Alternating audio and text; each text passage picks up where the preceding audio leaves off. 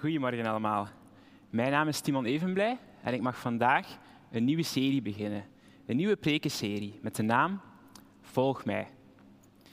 Toen Jezus hier op aarde ongeveer 2000 jaar geleden rondliep, zei hij deze woorden: Volg mij, tegen een stelletje vissers. Die vissers lieten alles achter: hun boot, hun werk, zelfs hun ouders en misschien al familie enzovoort, om deze persoon te volgen. Wat een vreemd idee. Was deze man dan zo speciaal om alles achter te laten? Toch waren deze woorden van Jezus niet alleen voor die vissers gericht. Nee, ze zijn nog altijd van toepassing op ons. Waarom is dat dan zo belangrijk? En hoe zou je zelfs iemand kunnen volgen die 2000 jaar geleden hier op aarde rondliep? Wat houdt dat in? Wel, in deze serie willen we op vier verschillende manieren, vanuit vier verschillende hoeken, kijken naar wie dat Jezus was en is en waarom het dus nog steeds zo belangrijk is om Hem te volgen. En hoe dat ons leven compleet kan veranderen. Volg je mee? Ik wil vandaag beginnen met een vraag. Heb je je dit ooit al eens afgevraagd?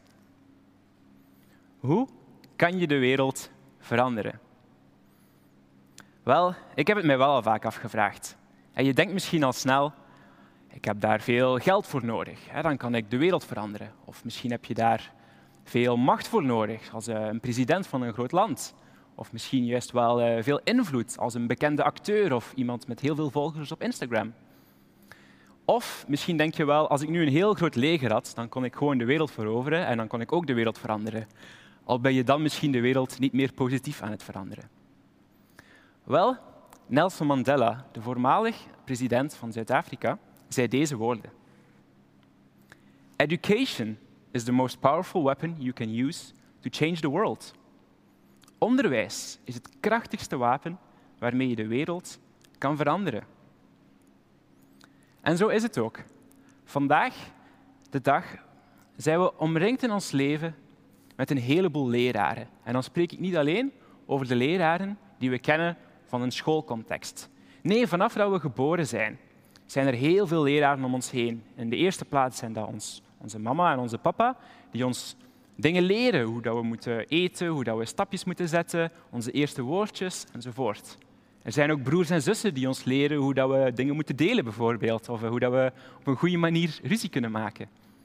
En later komen daar ook uh, leraren bij op school die ons heel veel kennis meegeven. Maar ook onze vrienden zijn niet onbelangrijk. Die leren ons ook ontzettend veel dingen over het leven. En zo, hoe ouder we worden, hoe meer leraren dat er om ons heen zijn in deze wereld. Er zijn misschien wel honderden tot duizenden mensen die een invloed op ons hebben, die ons dingen leren. Bijvoorbeeld ook de mensen die we tof vinden, de profvoetballers die we kijken, enzovoort. Wel, als je nu aan iemand vandaag de dag op straat, hier in België, in Leuven, zou vragen, wie is Jezus? Dan is de kans groot dat je dit als antwoord krijgt. Jezus, ik geloof niet of zo, maar ik denk dat hij een goede leraar was. In dat antwoord zit al een deel van die leraar. Jezus is misschien wel net een leraar zoals die vele andere leraren in ons leven. Een van de honderden, een van de duizenden misschien. Is dat dan zo? Waarom zou Jezus dan een leraar zijn? Hij leefde 2000 jaar geleden. Waarom spreken we vandaag nog over hem? Was hij dan zo belangrijk? Was hij dan zo anders dan die andere leraren? Wat maakte hem zo speciaal? Wel, vandaag is het onderwerp dus Jezus als leraar. Het was misschien al duidelijk. En ik wil beginnen um, met eigenlijk een, een, een misverstand uit de wereld te helpen. In de tijd van Jezus waren de mensen helemaal niet dom. Oké, misschien was onderwijs minder toegankelijk als vandaag, maar er heerste al een hele sterke cultuur van onderwijs. Denk maar aan de, de Griekse filosofen die op het marktplein zaten en met elkaar in discussie gingen over de zin van het leven. Er werd ook al heel veel onderwijs gegeven over de natuur en over het gedrag van mensen. En denk ook maar aan de Romeinen die enorme bruggen bouwden en constructies. Daar moeten ze ook over geleerd hebben. En ook bij de Joden was er een enorme uh, onderwijsfocus. Want er waren heel veel wetsleraren die de wet en de heilige boeken probeerden uit te leggen aan de mensen. In deze context bevinden we ons dus. En we zien dat ook terugkomen um, toen als Jezus 12 jaar was. Hij was met zijn ouders naar de tempel geweest in Jeruzalem en daarna waren zijn ouders hem kwijtgeraakt. En dan lezen we dit in Lucas. Jozef en Maria vonden Jezus na drie dagen. Hij zat in de tempel bij de leraren die daar waren. Hij luisterde naar hen en stelde vragen. Iedereen die hem hoorde praten, was verbaasd, want hij zei heel verstandige dingen. Jezus als twaalfjarige jongen, in deze sterke context op onderwijs gefocust, viel al op, want hij stelde heel verstandige vragen. En dat niet alleen. Later, als hij um, ouder wordt, wordt hij zelf leraar en begint hij ook toespraken te houden. En na zijn eerste toespraak zeggen de mensen dit over hem. Zijn woorden maakten diepe indruk. De mensen dachten, hij spreekt als iemand met macht. Hij spreekt heel anders dan de wetsleraren. Het is duidelijk. Jezus is een leraar, een goede leraar, maar hij is ook heel anders dan de anderen die er waren. Waarom dan? Was zijn onderwijs dan zo anders en op welke manier? Wel, dat is een interessante vraag. En als we daarover nadenken, dan eh, gaan we eerst eens even kijken naar wat Jezus daar zelf over zegt. Jezus zei, jullie moeten goed weten met welk doel ik ben gekomen. Ik ben niet gekomen om de wet van Mozes of de andere heilige boeken weg te doen. Ik ben juist gekomen om hun de echte betekenis te laten zien. De andere leraren in de tijd van, van Jezus, die onderwezen de wet en de heilige boeken waar Jezus het hier over heeft. Dat zijn de, vooral de eerste vijf boeken van de Bijbel, van Genesis tot Deuteronomium. En daar staan heel veel regeltjes in en, en heel veel kleine details. En de andere wetsleraren die focusten enorm op die details. En vooral op de details waarmee dat zij er beter uitkwamen. Ze zagen het een beetje als een soort checklist. Je hebt een lijst met allemaal regeltjes waar je aan moet voldoen. Check, ik doe dit. Check, ik doe dat. Ik ben goed bezig. En daarna kan ik eigenlijk vooral gaan kijken hoe ik er zelf beter uitkom. Hoe kan ik eigenlijk mijn eigen zin doen, maar ik wil toch wel alle vinkjes hebben op mijn rapport. Zo waren ze ermee bezig. En als je het mij vraagt, is het eigenlijk heel herkenbaar en misschien wel typisch Vlaams te noemen, als ik even een stereotype mag gebruiken. Ehm, ik herken het bij mijn eigen. Als, we, als ik een gezelschapsspelletje speel, hè, dan, dan, speel ik volgens de regels. Maar het is wel uh, interessant om, om, de regels creatief te interpreteren. Of hier en daar uh, een hoekje eraf te lopen, om zo toch maar zoveel mogelijk voordeel zelf te doen. En als we het nog even serieuzer bekijken, uh, we betalen allemaal veel belasting. Ehm, maar als Belg zijn we er typisch goed in om uh, vooral te kijken naar de regeltjes en om alle achterdeurtjes te zoeken van ha, hoe kan ik er toch voor zorgen dat ik net iets minder belasting betaal, zodat ik er zelf beter uitkom. Wel, ik denk eigenlijk dat Jezus dit precies aankaart bij de andere leraren. Hij zegt, ho, stop eens even. Jullie zijn er totaal verkeerd mee aan het omgaan. Dit is niet de bedoeling. Waarom is die wet daar? Waarom zijn die heilige boeken daar? Ga eens even terug naar de basis. Waarom is dit belangrijk? Het gaat niet om die checklist en dan maar je eigen zin te kunnen doen. Nee, dat is niet belangrijk. Wat is de basis? En een van de andere wetsleraren die stelde dan uh, die vraag terug aan Jezus, want hij wou hem eigenlijk een strikvraag uh, stellen. En hij vroeg van, oké, maar wat is dan de belangrijkste regel? Hè? Waar gaat het dan om? Vertel het ons eens. En Jezus antwoordt dit. De eerste en belangrijkste regel is deze. De Heer is je God. Je moet van Hem houden met je hele hart, met je hele ziel en met je hele verstand. Maar de tweede regel is net zo belangrijk. Van de mensen om je heen moet je evenveel houden als van jezelf. Die twee regels zijn de basis van de wet en de andere heilige boeken. Zo zie je, Jezus benoemt de basis van wat de anderen onderwezen, maar ze waren de basis totaal vergeten. En hij keert terug naar die basis. Liefde. Liefde voor God en liefde voor mensen. Dat is ook het eerste puntje dat ik wil noemen. Jezus zijn onderwijs begint met de basis, liefde. Vandaar vertrekt hij. Dat is hetgeen wat hij komt vertellen. Niet hoe dat we alle regeltjes kunnen omzeilen om minder belastingen te betalen of om minder um, naar de ander om te kijken en vooral voor ons eigen bezig te zijn. Nee, wat is de bedoeling van al die regels? Wat is de bedoeling van de wet, van al die heilige boeken? Liefde. Maar oké, dat is misschien een mooie boodschap. Um, en deze gouden regel van evenveel van anderen houden als van jezelf, dat noemen we vaak de gouden regel, um, is niet zo uniek.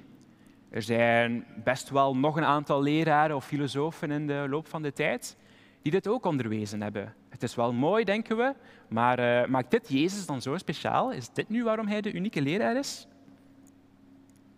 Wel, Jezus zijn onderwijs gaat verder dan deze basis, waar andere leraren vaak stoppen bij deze gouden regel, van dit is het einddoel. Daar zegt Jezus wel eigenlijk, dit is misschien wel het begin. Van daar vertrekken we. En we gaan nog veel verder. Hij is nog veel radicaler. Dit is eigenlijk wat hij bedoelt. We lezen deze regel vaak van hou van anderen net zoveel als je van jezelf houdt. Op een andere manier. We lezen vaak, doe niet aan anderen wat je zelf niet wilt dat ze aan jou doen. Doe geen slechte dingen aan anderen als je die slechte dingen zelf ook niet leuk vindt. Maar dat is niet wat er staat. Het gaat juist om de positieve zin. Doe actief wel de dingen voor anderen die jij ook graag zou hebben dat ze voor jou zouden doen. Het is dus niet van gewoon uh, niemand uh, kwaad maken of zo. Nee, het is juist wees actief, liefdevol voor anderen. En hij gaat er eigenlijk best radicaal aan. Ik wil even een stukje met jullie lezen, het is even een langer stukje. Dit is ook wat Jezus daarover zegt. Jullie weten dat de wet zegt, je moet houden van de mensen om je heen, maar je vijanden moet je haten. Dit zeg ik daarover. Je moet ook van je vijanden houden.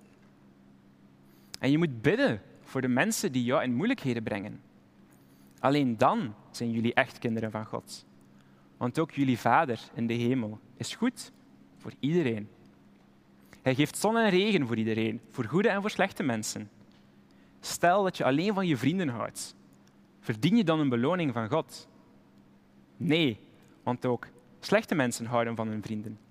En stel dat je alleen je vrienden groet. Doe je dan iets bijzonders? Nee, want ook de mensen die niet in God geloven, doen dat. Jullie moeten goed zijn voor alle mensen, net zoals jullie hemelse Vader goed is voor iedereen.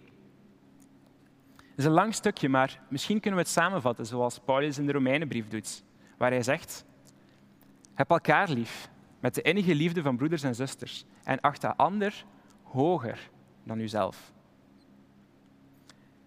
Het gaat dus niet om van andere mensen evenveel te houden als van onszelf. Ja, dat is belangrijk, maar dat is niet het einddoel. Eigenlijk is het vertrekpunt. En Jezus gaat daar heel radicaal in. Hij zegt nog veel meer dingen, zoals van je vijanden um, houden, maar ook dingen als van als iemand je slaat, laat hem dan nog een keer slaan. Als iemand je dwingt om een zware rugzak te dragen voor een kilometer, wel, draag hem dan twee kilometer voor die persoon. Hij gaat echt heel radicaal in die liefde om die ander hoger te achten dan jezelf. Als je dit hoort, dan denk je misschien, ja, oké, dat is wel iets bijzonderder dan de meeste filosofen dat ik al heb gehoord. Ga, pak dat hem bij de 5% meest uh, bijzondere leraren. Maar maakt dat hem dan nu nog zo belangrijk vandaag? Wel, dan wil ik naar het derde punt gaan. Jezus vertelde dit niet alleen. Hij gaf ook het voorbeeld. In zijn dagelijkse leven, elke dag opnieuw, bracht hij deze radicale liefde in de praktijk. Hij ging op weg met de mensen die aan de rand van de maatschappij leefden. Melaatsheid in die tijd was een, een vrij erge ziekte, um, een soort huidaandoening, en ze zagen er niet uit. En de mensen moesten toen rondlopen, die melaats waren, met een bel in hun handen. Ze moesten constant bellen en roepen op straat, ik ben melaats, ik ben melaats. Blijf alsjeblieft bij mij weg uit de buurt. Wat doet Jezus? Hij gaat juist naar deze mensen toe. En hij raakt hen zelfs aan. Ook prostituees hebben niet de beste reputatie. Toch wou ook Jezus hun vriend zijn. Er was ook een, een, een belastingsinner die um, eigenlijk de mensen uitbuitte door veel te veel te vragen. dat ze eigenlijk niet moesten afgeven aan de overheid, maar om het in zijn eigen zak te steken. En iedereen haatte deze persoon, want het was alom bekend dat hem te veel vroeg. Toch was dat de persoon waar Jezus het liefst van al bij wou gaan eten. Jezus gaat actief op zoek naar de mensen die aan de rand van de maatschappij leven. Maar dat is eigenlijk niet enkel. Dit is een voorbeeld van wat hij deed als radicale liefde in zijn dagelijkse leven. Maar misschien het grootste voorbeeld komt misschien nog wel aan het einde van zijn leven. Letterlijk, wanneer hij sterft. Dit is wat uh, Paulus daarover zegt. Oei, ik was mijn puntje vergeten. Jezus zijn onderwijs gaat verder dan de basis. Radicale liefde. Dit zegt uh, Paulus daarover. Vroeger waren we vijanden van God. Wij zelf konden dat niet veranderen, maar Christus wel. Hij is voor ons gestorven. Welk mens is bereid om voor een ander te sterven? Misschien als die ander een goed en eerlijk mens is. Ja, misschien zijn er mensen die willen sterven voor een goed mens. Maar Christus is voor ons gestorven toen we nog leefden als slechte mensen. Dat is het bewijs dat God van ons houdt. Jezus zijn onderwijs gaat verder dan de theorie. Hij geeft het grootste voorbeeld van liefde. In zijn dagelijkse leven ging hij om met iedereen die het misschien niet verdiende of misschien juist haat verdiende. Toch vond hij hen belangrijk. En als grootste voorbeeld van liefde sterft hij zelfs voor de mensen die vijanden van hem waren. Stel het je even voor. Denk even terug aan iemand die jou het leven echt zuur heeft gemaakt. Misschien was het wel die grootste pestkop in je middelbare schooltijd. Misschien was het wel die buurjongen waar je constant mee in de clinch lag en je regelmatig wel eens eh, mee aan het vechten was. Misschien is het wel die collega op het werk die altijd alle schuld in jouw schoenen schuift en bij de baas doet alsof hij de beste persoon ooit is. Niet leuk, dat doet pijn. En Misschien ben je al zo ver dat je zegt: Oké, ik, ik, dat is niet leuk, maar ik kan wel op een goede manier met die persoon omgaan. Ik kan er vriendelijk tegen zijn. Dan denk ik: Oké, echt goed bezig. Nice, ik ben onder de indruk. Misschien zeg je zelfs: Ik heb deze persoon echt vergeven voor wat hij heeft gedaan. Wauw, amai, echt hoedje af. Super chic. Maar Jezus gaat nog veel verder dan dat. Hij gaat tot in de dood voor de mensen die hem haten. De mensen die hem letterlijk aan een kruis hebben gehangen, die vergeeft hem en hij is ook voor hen gestorven. Jezus zijn onderwijs gaat verder dan de theorie. Hij geeft het grootste voorbeeld van liefde. Ik hoop je hiermee een beetje overtuigd te hebben dat Jezus misschien wel de meest bijzondere leraar ooit was in onze geschiedenis. Iemand die radicale liefde onderwees, zelf constant het voorbeeld gaf en uiteindelijk zelfs zijn leven gaf voor zijn vijanden. Dat lijkt me een unieke persoon. Alleen al daarom de moeite om te volgen. Maar ook hier stopt het niet. Jezus vertelt nog veel meer dingen in zijn onderwijs. Meer dan alleen hoe radicaal we van andere mensen zouden moeten houden. Hij vertelt ook over hoe je dichter bij God zou kunnen komen. Veel leraren in zijn tijd deden dat ook. Maar ze wezen allemaal naar iets buiten zichzelf. Ze zeiden, als je dit stappenplan volgt, met vijf puntjes, dan ben je goed bezig. Dan kom je dichter bij God. Maar Jezus was anders. Jezus wijst niet naar iets buiten zichzelf. Hij wijst naar zichzelf. En hij zei heel straffe dingen. Klinkt wel vreemd, hè? want de persoon die zo radicale liefde onderwijst, die zo de nadruk legt op andere mensen belangrijker vinden dan jezelf, heeft het eigenlijk heel vaak over zichzelf. Lees even met me mee. En bijvoorbeeld Johannes zegt hij dit. Ik zorg ervoor dat ze gered worden. Ik geef hun het eeuwige leven. En niemand kan hen bij mij weghalen. Dat gaat over de mensen die Jezus volgen. Want mijn vader heeft mij de hoogste macht gegeven. De vader en ik zijn samen één. En niemand kan God de Vader iets afnemen. Heel straffe woorden. Hij zegt ook bijvoorbeeld dit. Ik ben de weg, de waarheid en het leven. Niemand kan bij de Vader komen dan door mij. Als jullie mij kennen, zullen jullie ook mijn Vader kennen. En vanaf nu kennen jullie Hem, want jullie hebben Hem zelf gezien. Jezus zegt deze straffe woorden. En als je dit zou horen, dan zijn er een aantal mogelijkheden die je kunt denken. Ten eerste denk je misschien wel van, amai, dat kan echt niet waar zijn. En die Jezus weet het waarschijnlijk zelf ook. Hij is misschien gewoon een bedrieger. Waarschijnlijk wil hij straks uh, inkomen vragen voor zijn preken en wil hij veel geld verdienen. Wat een bedrieger, dat is echt niet waar. Misschien denk je van, nee, dat, dat kan niet. Dat is echt wat deze uit zijn nek kletst. Dat is ook echt niet waar. Kan uh, niet waar zijn. Uh, maar het lijkt erop alsof hij wel denkt, dat het zelf, denkt wel zelf dat het waar is. Met andere woorden, hij is niet goed in zijn hoofd. Hij is een gek. Maar logisch gezien is er ook een derde mogelijkheid. Misschien is het wel waar wat hij zegt. En dan is deze Jezus niet zomaar een leraar. Dan is hij zoveel meer dan dat. Dan is hij misschien wel de weg, de waarheid en het leven. Je kan niet zomaar zijn onderwijs over radicale liefde wel heel goed vinden en aannemen, maar dan alles wat hij zegt over zichzelf zomaar aan de kant schuiven. Jezus is zoveel meer dan een goede leraar. En dat is misschien nog wel hetgeen waar dat hij het meeste mee verschilt ten opzichte van alle andere leraren die er ooit geleefd hebben, alle andere filosofen of bekende personen. Jezus is zoveel meer dan een goede leraar. Jezus is echt een bijzondere persoon. Hij is de moeite om te volgen. Daarover gaat de serie. Maar wat betekent dat dan volgen? Hoe kunnen we hem dan volgen? Jezus volgen betekent zijn leerling zijn. Hij was een leraar en hij vertelde over hoe dat we in het leven konden staan. En zijn leerling zijn betekent dus zijn lessen ter harte nemen en toepassen in je leven. Naar hem luisteren, de dingen aannemen. En in die tijd waren leerlingen mensen die letterlijk overal hun leraar volgden. Ze gingen overal met hem mee. Ze sliepen waar hij sliep, ze aten waar hij at, enzovoort. Ze, deden hem in alles na. Ze namen zijn woorden over, ze namen zijn gedrag over, ze namen zijn gedachten over.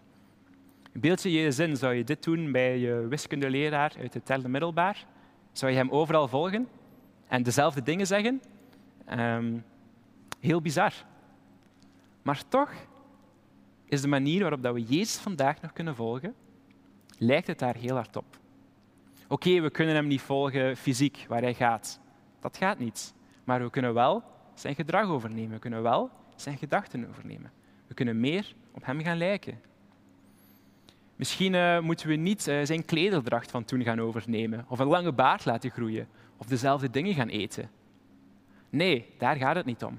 Maar we kunnen wel zijn radicale liefde ontvangen en ook uitdelen in onze levens. En op die manier meer op Jezus gaan lijken en Jezus gaan volgen. Om af te sluiten wil ik terugkomen naar mijn vraag waarmee ik ben begonnen. Hoe kan je de wereld veranderen? Wel, iemand heeft het ons eigenlijk al voorgedaan. Zo lezen we.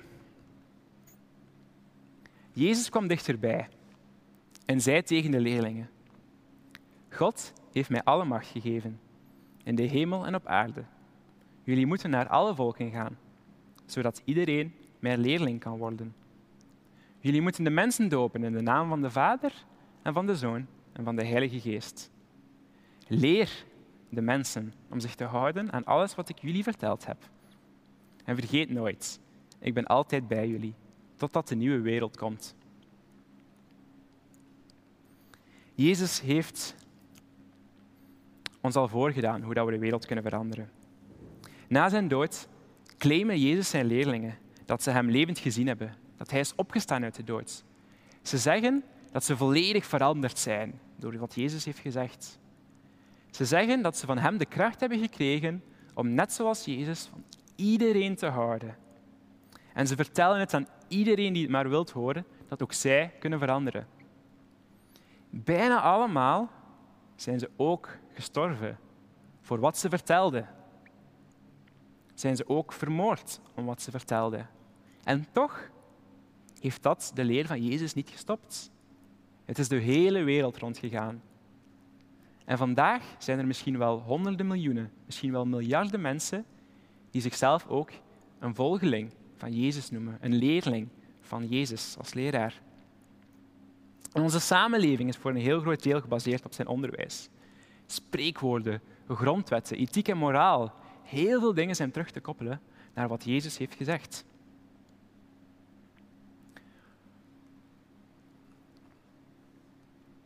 Dus hoe kan je de wereld veranderen? Jezus zegt: Volg mij. Als je ervoor kiest om Jezus te volgen, dan kan ook jij mee de wereld veranderen. Laten we even bidden. Vader God, bedankt voor uw onderwijs. Dat u terug die radicale liefde in de aandacht bracht.